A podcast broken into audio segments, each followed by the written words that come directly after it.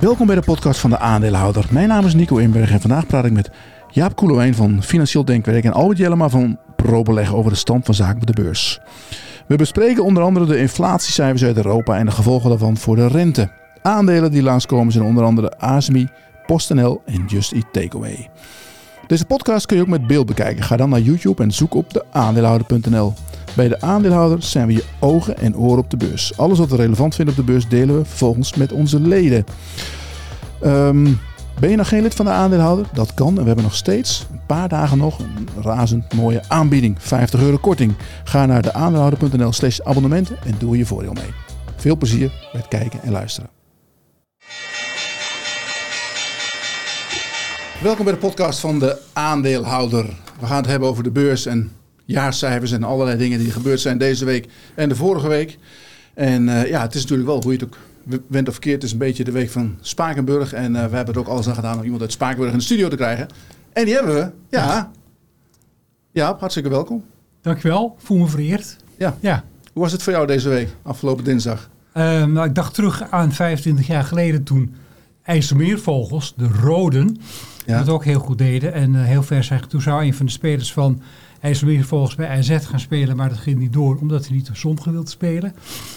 Ja. Um, ja, dit, dit geeft aan dat uithoudingsvermogen, lef en een grote mond je heel veel kunnen brengen in dit leven. Beetje geluk erbij. Geluk, maar ja, zonder geluk vaart niemand wel. Ja. Um, maar ik moet één ding bekennen. Ik ben eigenlijk geen echte blauwe, want mijn opa, Jacob Koelewijn... Die was voorzitter van IJsselmeervogels, hè, vroeger? Was vroeger Jaap Koelewijn, uh, ja. maar dat is niet mijn vader opa, hoor. Oh, oké. Okay. Um, die uh, was dus IJsselmeervogels, was rood. Ja.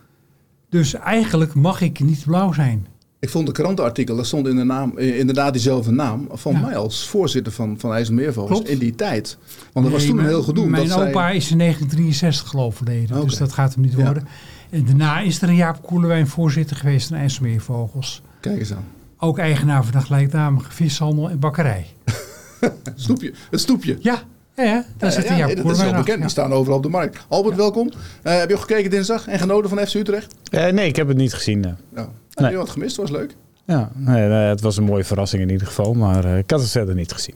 Nee, nee, nou ja, goed, het is bijzonder natuurlijk. Maar laten we het niet over voetbal hebben. Dit is een beleggerspodcast, beurspodcast. Wordt spannend. Dat is. Twee zoons met He? een seizoenskaart Feyenoord. Ja, dus, ik, ik, hoop, ik hoop eerlijk gezegd dat bij Ajax sloten. Want dit, dat lijkt mij de makkelijkste van de drie. Maar Spakenburg zou ook niet gek zijn natuurlijk. Als Ajax doorkomt vandaag, maar dat zien we morgen pas. Ja. Um, jongens, first things first. De beurs. Uh, inflatie. Rente, dat draait alles om. Hè? Ja. Um, vandaag hadden we de Europese inflatiecijfers. Ook weer een beetje in lijn met wat die Amerikaanse inflatiecijfers zijn. Wat, wat hoger dan, dan verwacht. Uh, valt een beetje tegen. Dus het gaat minder hard omlaag met de inflatie dan we denken. Ondanks dat de energieprijzen wel behoorlijk omlaag gaan. Maar de andere soort kerninflatie. Ja. Kerninflatie blijft hoog. Wat, wat maken we ervan, Jaap? Ja, je ziet dat nu de inflatie ook in de voedselprijzen gaat zitten. Hè? Dat heeft natuurlijk ook te maken met hogere grondstofkosten. Mm -hmm. En uh, het feit dat de koopkracht van heel veel mensen goed op peil wordt gehouden door allerlei overheidsmaatregelen die maar geld rondstrooit. Ja. Ja, als je mensen allemaal energietoeslagen geeft, energieplafonds, loonsverhogingen, dan gaan ze geld uitgeven en dan bouw je dus inflatie op. Dus wat er moet gebeuren, is dat de demand pool, zoals dat heet, de vraagprijs, vraaginflatie, dat je daarop gaat ingrijpen. Nou, dat betekent dat de overheid moet stoppen met al dat rondstrooien van geld. Um, We zitten in verkiezingstijd, dat gaan ze nu niet doen. Nee, nou, dus over twee weken is dat voorbij. ja. Maar er moet ingegrepen worden, al die uh, steunpakketten. Ja, maar dat, is, dat, ja, dat gaat natuurlijk, dat is niet, niet populair. We hebben net een energiemaatregel hebben ze genomen, energieplafond. Uh, om de mensen. Ja, en je hebt hier over de tweede orde effecten inflatie. Je ziet nog niet echt hele, hele hoge looneisen ingewilligd worden. Ja, uh, bij de mensen die de vuil ophalen. En die ja. zijn jarenlang achtergebleven. Daar zie je ook dat de arbeidsmarkt heel veel pijn begint te doen.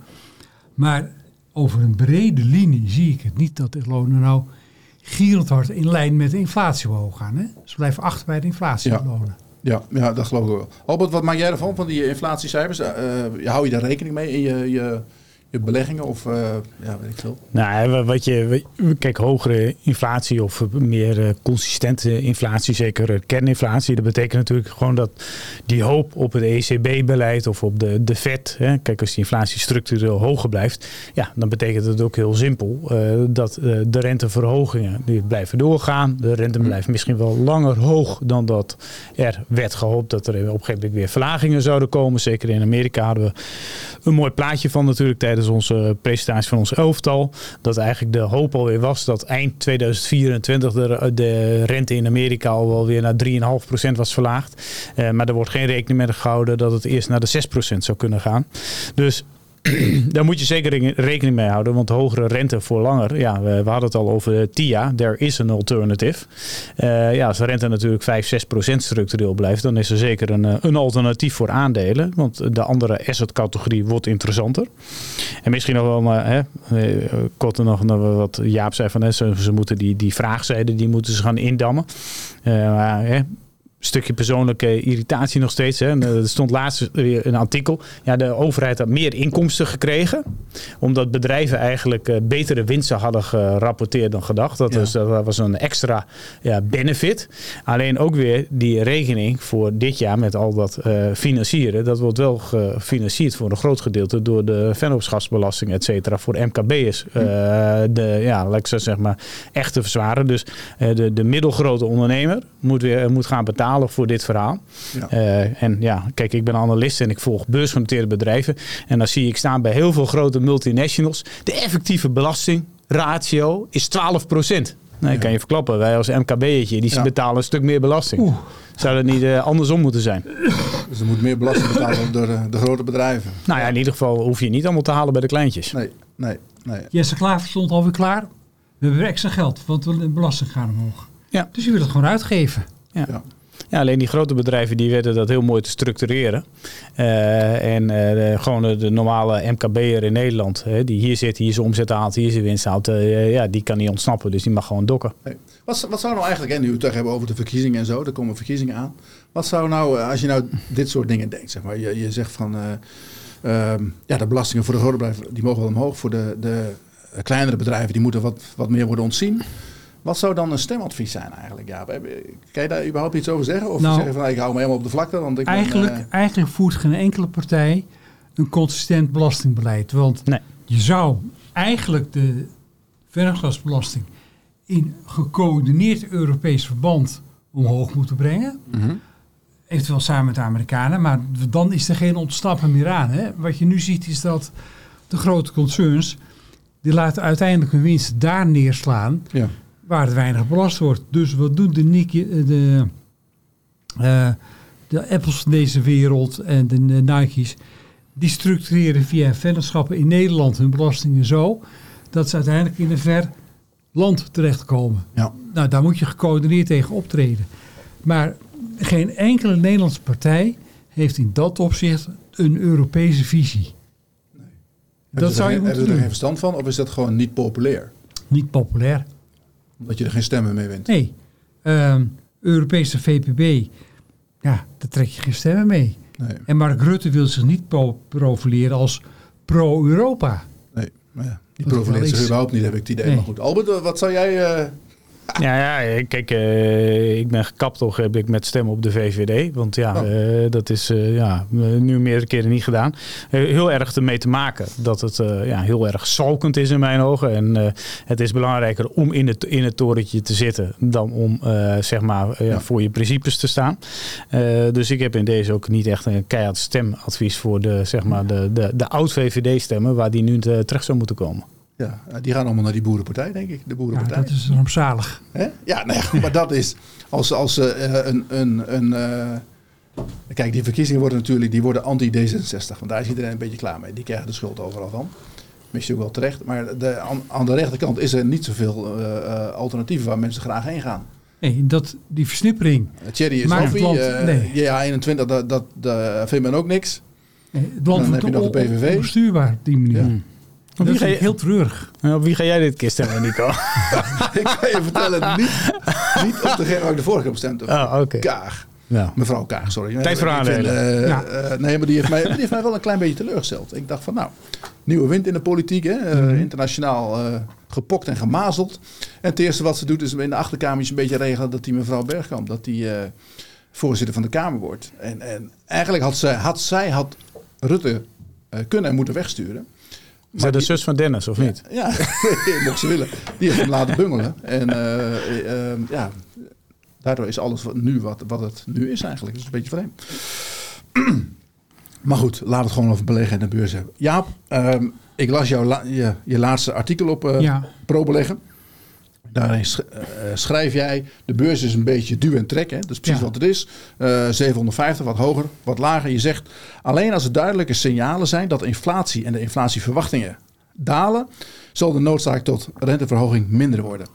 Die signalen die zijn er niet, hè? Nee, nee, dat zagen we vandaag ook. De, de inflatie is toch weer 8%. Ja. En dan kun je weer een verhaaltje bij bedenken. Ja, het is voeding en het zal wel meevallen. Het is slecht weer in Spanje, hè, want daar gaan de tomaten door het dak.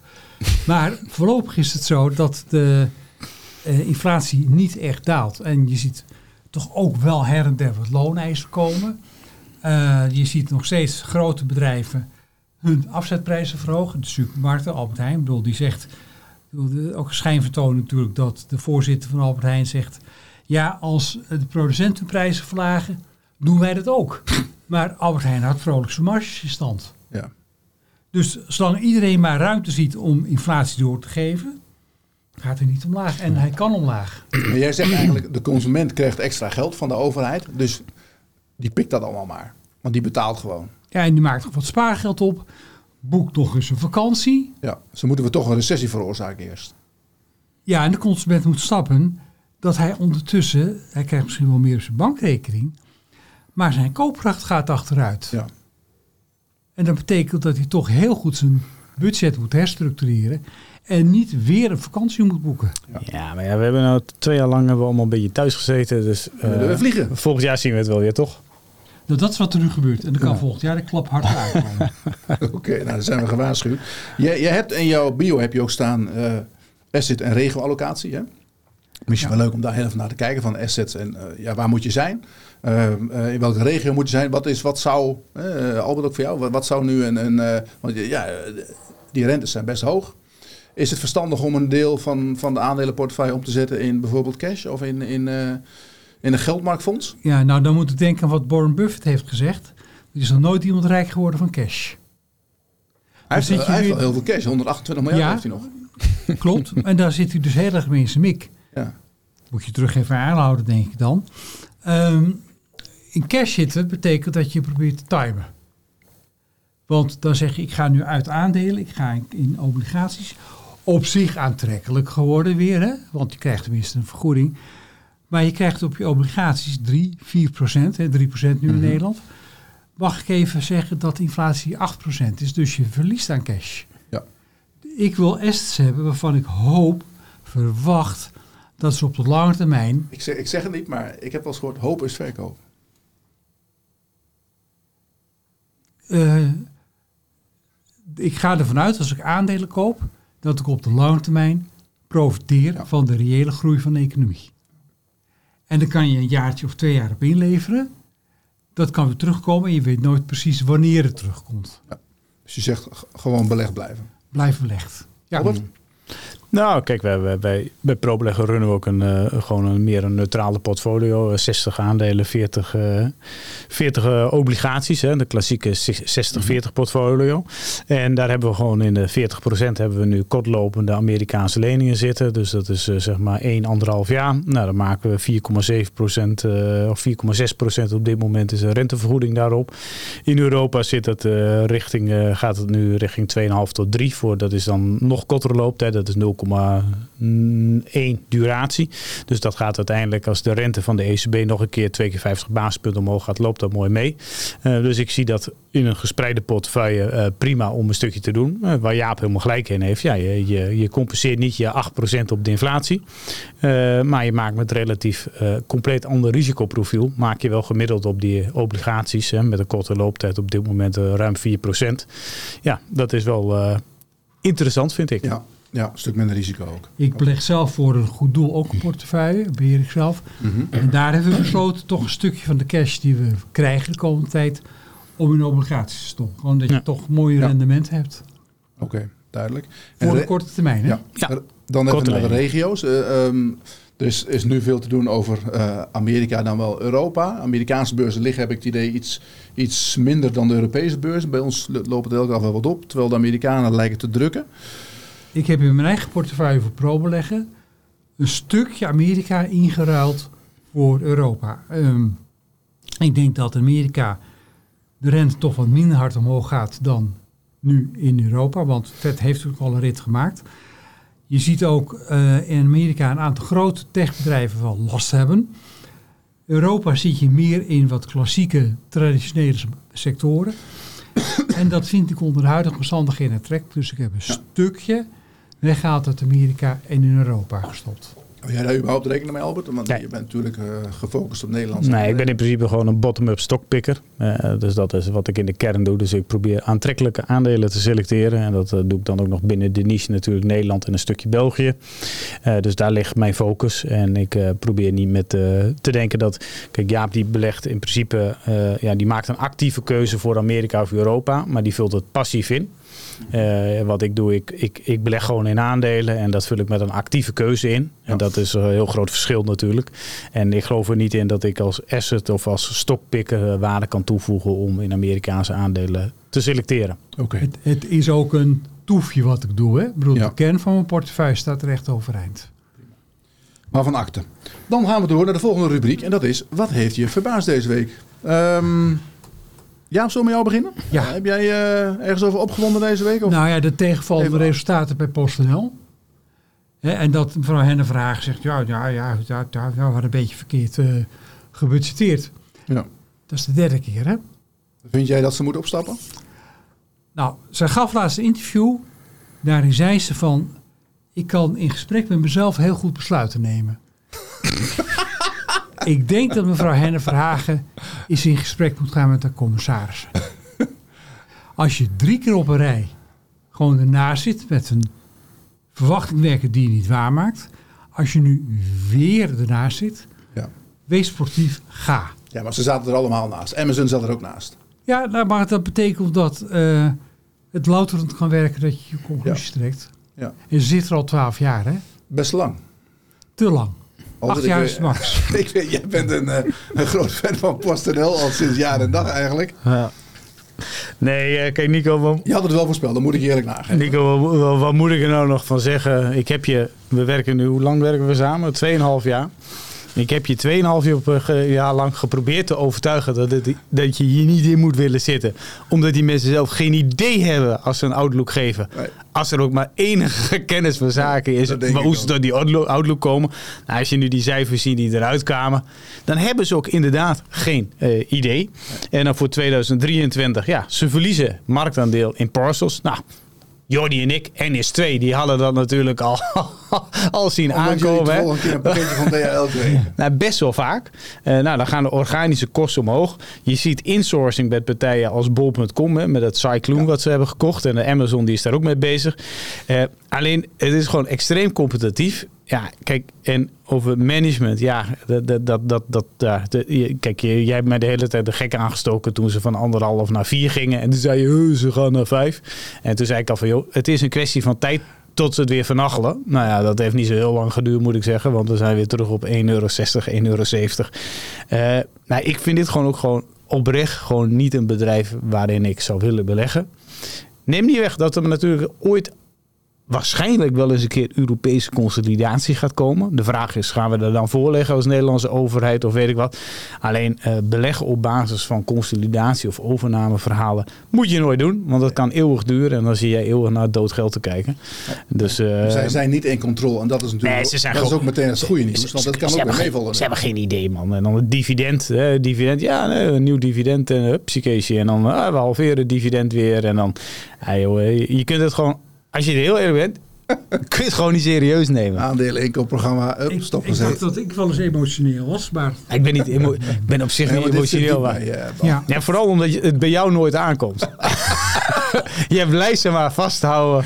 Hè? Je blijft maar schreeuwen. Nee, dat aan, maar is, eh, als het op ja. 2 staat, gaat het naar 4. Op 4 gaat het naar 5. En je blijft maar.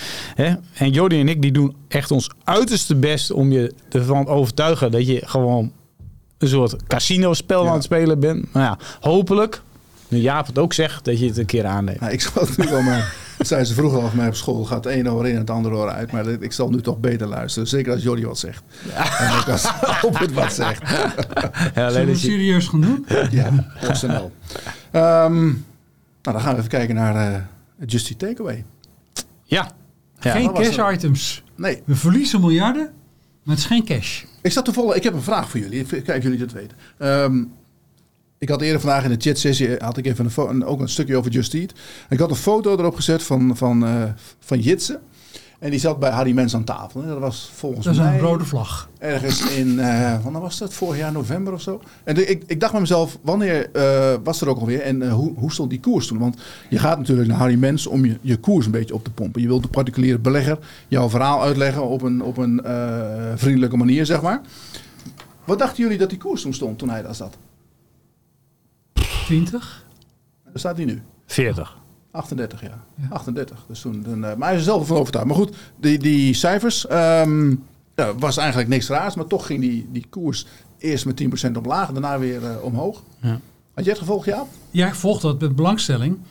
Ook omdat je weet dat zo'n spel van Justy Takeaway... je zit in een markt waarin er één overwinnaar is. Als Just Eat het niet is, dan zijn ze de verliezer. En ze moeten nu veel miljarden afschrijven op grote overnames in Amerika. Ze zouden Amerika wel eens even op gaan rollen. Nou, dat is typisch gevalletje. Te snelle groei, agressief gefinancierd. En dan gaat het fout. En dan ga je tegen je aandeelhouder zeggen... jongens, sorry, ongelukje. Neem je verlies maar. En dat gebeurt er nu. Nou ja, neem je verlies maar. Ze moeten afschrijven op. Ze hebben natuurlijk... Ja, god, ze Ja, hebben maar ze betaald in ze aandelen. Jawel, Ja. maar ze hebben, gewoon, Cash. ze hebben natuurlijk gewoon. eh, eh, ze, ze hadden Just Eat in Engeland. eh dat kennen ze achteraf, hè, maar ze hadden Just Eat. Daar waren ze nog, hadden ze net gekocht, zeg maar. Ja, en toen kwamen ze met de overname van Grubhub. Met het verhaal natuurlijk van het huis van de buurman is maar één keer te koop. Ja. En we willen wereldmarktleider worden. Nou ja, dat is heel simpel. Die overname bij Grubhub. Nou, die hadden ze gewoon never nooit moeten doen. Megalomaan. Dat zegt ze nu ook. Eh, dus ja, eh, je moet op de blaren zitten. eh, in dit geval. En ja, je hebt iets gekocht. En dan kun je wel zeggen dat je het in aandelen hebt betaald. Alleen uiteindelijk ja, gaat het er nu uit voor 1 of 2 miljard dollar. Als het er überhaupt uitgaat. Hè? Want als je de cijfers met DoorDash vergelijkt.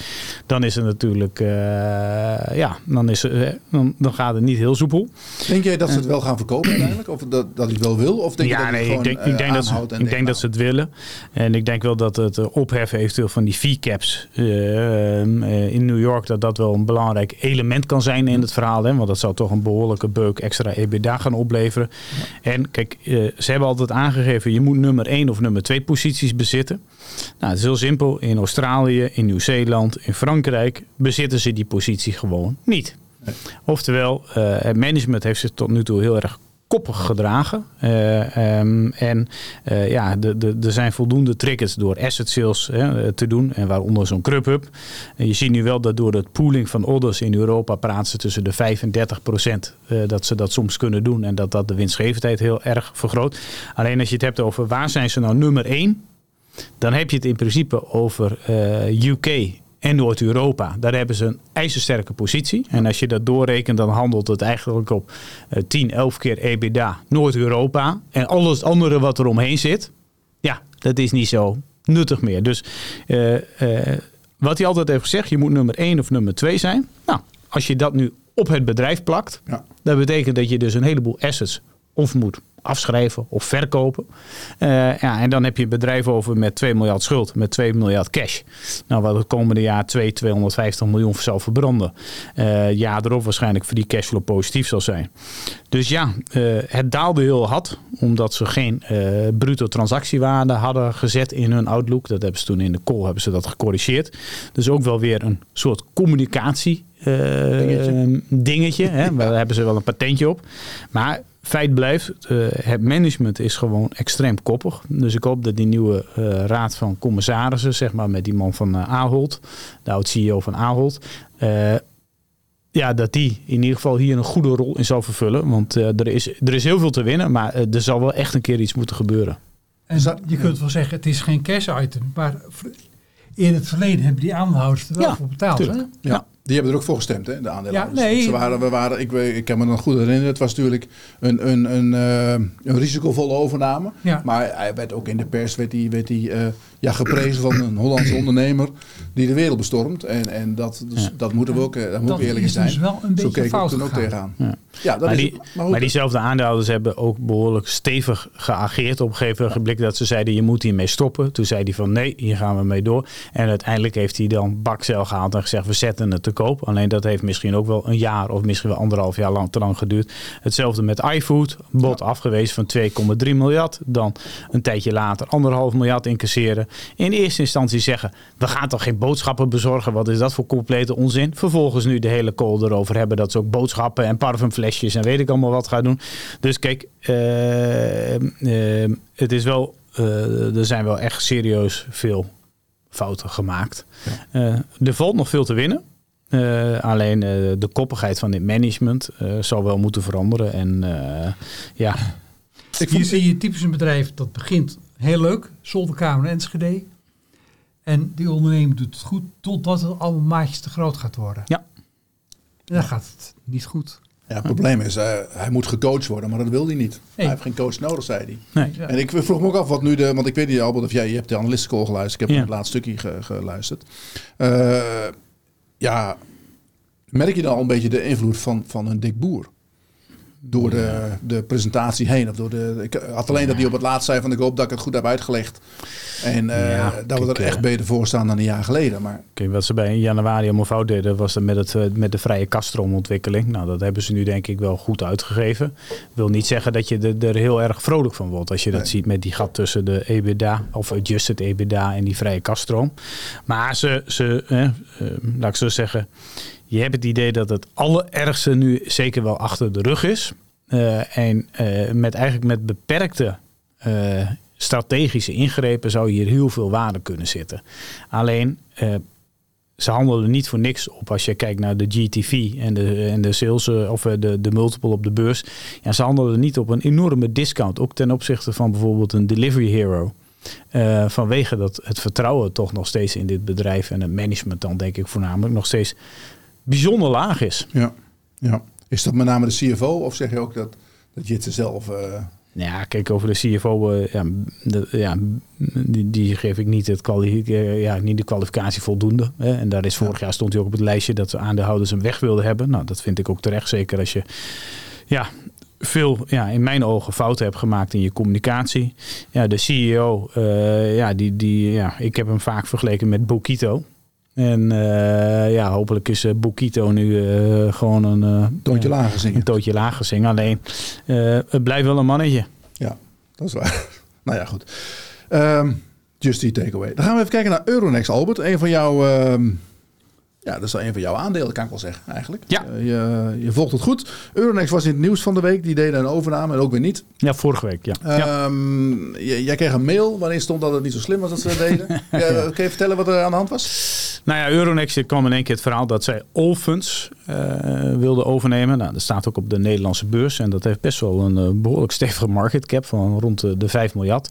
Uh, en um, ja, in het kader van hè, diversificatie van de zou dat dan waarschijnlijk de strategische rationale er zijn. Alleen twee derde van de omzet van Euronext is eigenlijk al niet meer volume gerelateerd. Hè, want dat zijn al abonnementen en clearing en allemaal andere activiteiten. Um, en en uh, ja, als je, als je daar dan Offens, ik ken het niet heel goed, maar natuurlijk in gaan verdiepen. Maar als je dat dan, dan ziet, dan denk je van ja, is er nou iets echt waar echt synergie of andere zaken bij te halen zijn? Ja, ik kwam er niet uit zelf. Mm -hmm. En Euronext heeft ook eigenlijk geen toelichting gegeven, omdat ze gedwongen werden om te bevestigen dat ze een bod hadden gedaan. Dus ik kwam er niet echt uit. En toen kreeg ik een, een mailtje van iemand. Uh, ja, ik heb nog een netwerk in die wereld en die zei van als Euronext commerciële due diligence zou hebben gedaan, dan zouden ze nooit deze overname uh, uh, doen. Want als jij in Nederland één partij zou kunnen vinden die tevreden is over de dienstverlening van Allfunds, dan krijgt hij van mij een fles champagne. Dus dat, hè, er was een beetje van, ja, je hebt twijfel over de synergie, dan zie je die waardering, die ongeveer dan op het overnamebod dezelfde waardering als Euronext heeft. Ja, het voelt een beetje als, nou ja, hè, te veel, veel te Ja. groot. eh, en, en niet echt passend in de strategie gevoelsmatig. Groeien om te willen groeien zonder dat je aangeeft waarom. En als ik het woord diversificatie hoor, gaan we met alle lampen op rood. Want de belegger kan zelf ook diversificeren. Ja, al Heeft het bedrijf hij, heeft hij Euronext niet voor nodig? Dus dit was typisch gevalletje. Groot willen zijn, Ja. overaanbod willen doen. Laten zien dat je het aan kunt. Miljarden smijten en dan na vijf jaar de zaak moeten afboeken. Ja. ja. Oké, maar Ken je, ken je het vanuit je institutionele achtergrond Nee. of niet? Nee. Nauwelijks. Het bedrijf Ja. bestaat nog niet. Het is niet echt een oud bedrijf. Het bestaat sinds 2000. Dus Ja. Het was op, begonnen als een Spaanse bank.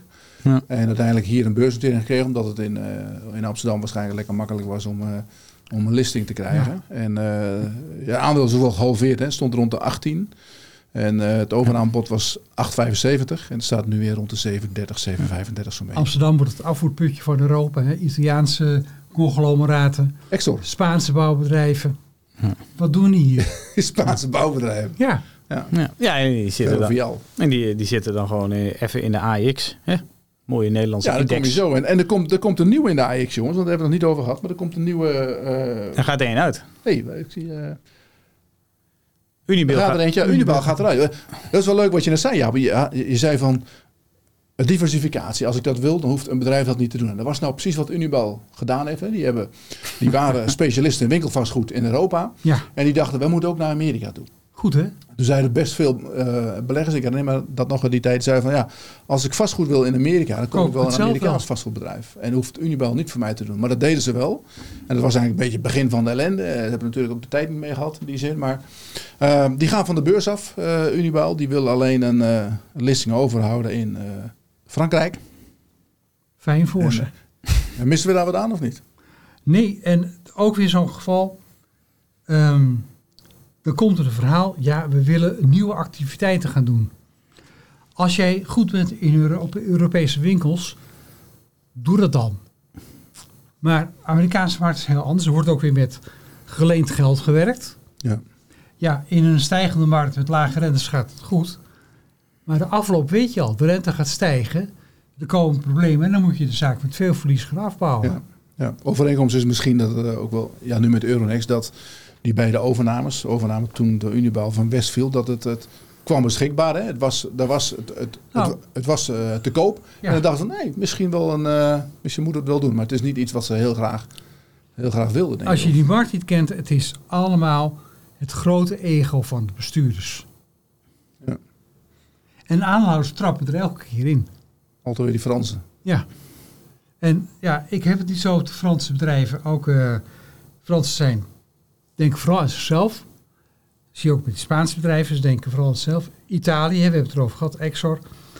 Je moet er niet in willen zitten. En je ziet ook dat op de lange termijn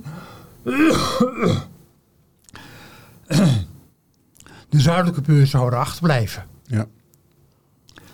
Houd het op Anglo-Saxische bedrijven, houd op Amerika, Australië, VK, strak geleide bedrijven, waar je weet wat je rechters aandeelhouder zijn. Albert, je, je houdt het ja, vooral bij Nederland. Heb je ooit eh Unibel in je, je portefeuille gehad? Bij, eh, Mm, nou, voor mij tijdelijk. Alleen voor mij zat ik erin op 140 en toen ben ik voor mij op 130 weer uitgegaan of zoiets. hij had het andersom kunnen doen. Ja, dat klopt. Je kunt ook eh, zeggen, beter ten halve gedraaid of zo, dan ten hele gekeerd of zo, toch? Nee, dan heb je Ja. nog, denk ik nog een hele mooie prijs gemaakt. Want, eh, dat bedoel Ik ik. heb ook 30 euro gezien in die, eh, ja, bij Unibouw. Maar Ja. goed, ja. Nou ja, ja, goed, het is wat het is. Het is, eh, gaat weg. Maar er komt een nieuwe, dat is goede nieuws natuurlijk. Er komt een nieuwe naam in de AEX. En misschien wel een, een oeroud Holland-Nederlands bedrijf. En het, het gaat volgende week al gebeuren. En eh, 9 maart gaan ze eruit. Dus dat wordt, wordt al heel snel. Wordt waarschijnlijk, ik vermoed ABN AMRO. Oh, oké. Dus als ik kijk naar de markt heb. Ja, Just Eat Takeaway is, is de laatste die eruit gegaan is. Ja. Maar als je nu kijkt naar de ontwikkelingen van de market caps. ABN is, is, eh, heeft een market cap van, van, laten we zeggen, 16 miljard. Nou, de helft bij de staat. Hou je 8 miljard over.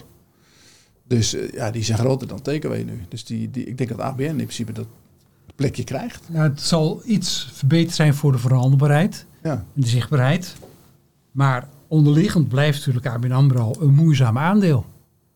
Waarom? Ze profiteren nu van hogere rente. Ja. Nou, op het moment dat de rente weer omlaag gaat, profiteren ze niet meer. Als er een recessie komt, krijgen ze weer debiteurenverliezen. Ehm, links en rechts worden ze ingehaald door fintechs, andere bedrijven, direct lending. Moeizame operatie. Maar je Ja. kunt niet zeggen dat ze, ze zijn niet gediversifieerd, want ze doen alleen Nederland. Dat is wel prettig. En, Ja, ja. en ze doen geen megalomane overnames. Dat helpt ook wel. Maar er is natuurlijk geen duidelijke visie Nee. op wat ze gaan doen. Nu heb ik wel een vraag aan jou, Jaap, en ook, ook aan Albert. Want eh, we, we- hadden deze week een artikel op onze website van Jeroen Blokland. en dat ging erover dat de, ehm, de banken veel ja, last hebben, of misschien krijgen, van de geldmarktfondsen. Hè? Ehm, daar krijgen eh, best een hogere rente. En de banken betalen eigenlijk, die betalen nauwelijks rente aan eh, spaarders. En zijn stelling is dat de banken omhoog moeten met hun rentepercentage, anders verliezen ze geld van spaarders. Nu is de vraag eigenlijk, is dat zo? Of, of Ja. hebben de banken zoiets van, we hebben dat geld van die spaarders helemaal niet nodig? Nee, maar dat, dat gaat. eh, Nee, ze maken juist nu een enorme rentebaten. Want als jij niks betaalt aan je spaarder en je Ja. zet het bij de ECB neer tegen 2,5 procent. Ja, dan zie je ziet die net interestmarge, die zie je omhoog knallen. Ja. Voor mij was bij ING een half miljard extra. Maar als die spaarder nou weggaat, als die zegt Ja. van ik zet mijn geld eh, Alleen, bij, bij een andere bank. Hebben ze daar last van? Of zeggen ze van nou, Ja, eh, we- natuurlijk. we doen toch niks met dat geld? Nee, maar we moeten dat echt gewoon met elkaar moeten we dat en masse moeten we dat gewoon gaan doen. Oh nee, dat mag je niet, mag je niet oproepen. Nee, maar, nee, je moet gewoon, kijk, eh, eh, ik zit bij Saxo en Saxo die zegt nu van eh, bij- bepaalde saldo's kun je 1,35% krijgen op het geld wat je er hebt staan. Ja. Ja, dat ga je steeds meer krijgen. Want ik bedoel, kijk, die, die eh, beleggersbedrijven, die willen natuurlijk uiteindelijk je motiveren dat je Ja. die login met spaargeld en dan willen ze dat je gaat beleggen. Ja. Hè? Logisch, snap ik, maar je kunt het ook laten staan 1,35% Alleen, kijk, die banken moeten uiteindelijk wel omhoog. Eh, want ja, er zijn dus nieuwkomers die willen graag marktaandeel winnen. Dus heb je dat Open Bank, dat is van Santander. Ja. Dat betaalt je 2% in de eerste zes maanden. Ja, dat is echt gewoon competitief. En eh, we hebben de laatste hier ook eh, dat artikel over geschreven. Ik vind ook dat je gewoon, eh, als het onder de deposito-garantiestelsel valt... en jij kunt 2% maken in plaats van 0,35 basispunten... of 0,25 of 0,5. Ja, dat is gewoon echt heel veel extra rendement... zonder dat je... Ja, je moet een bankrekening openen. en mensen zijn lui. Ze doen het niet. Ja, maar het moet echt gebeuren. Ja, ja. Zonde.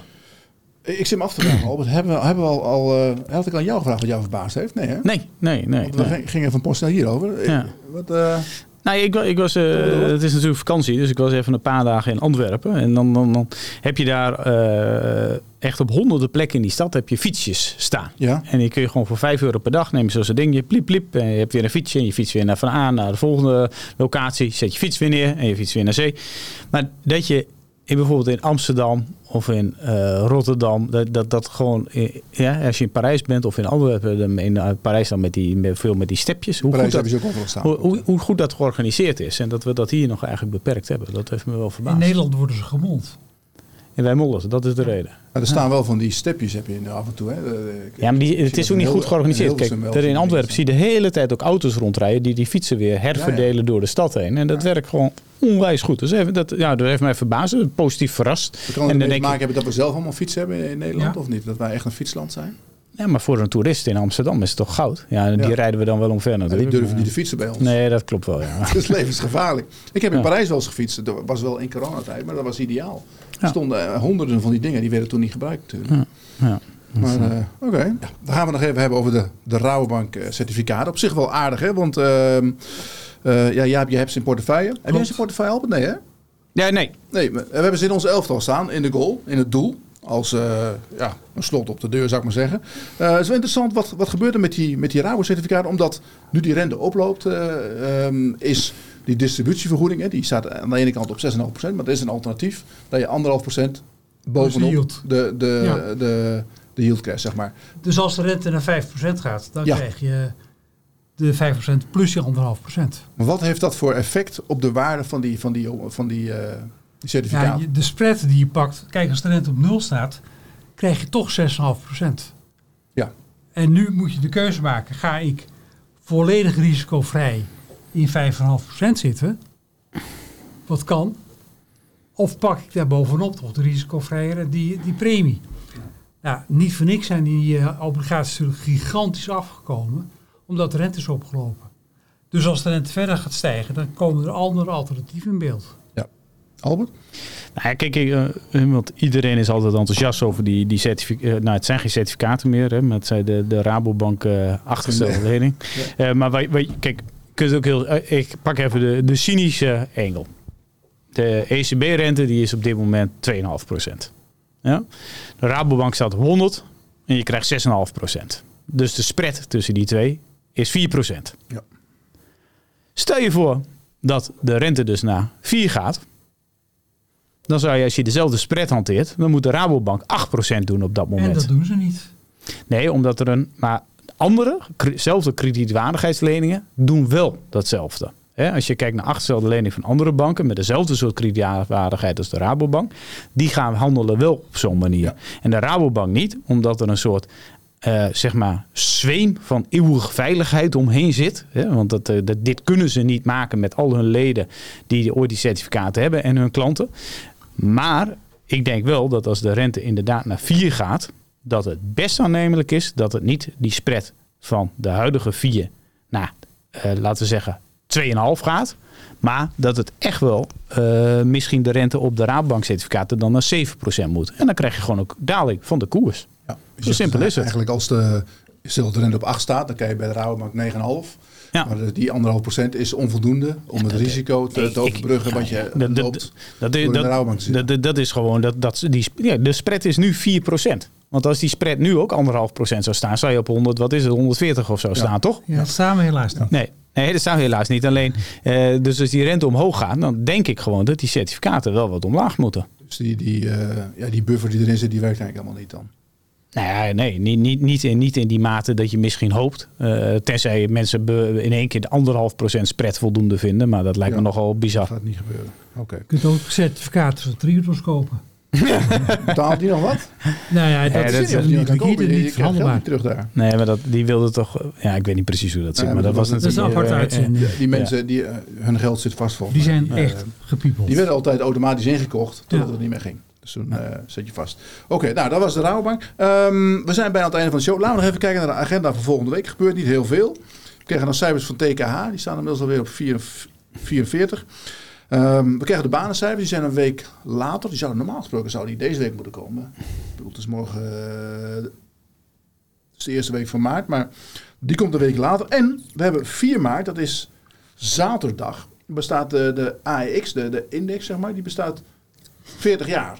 Heb jij er nog speciale herinneringen aan? Uh, ja, nou, uit mijn eerste collegejaren dat de hoogleraar Corporate Finance, Hendrik Wietse, zei...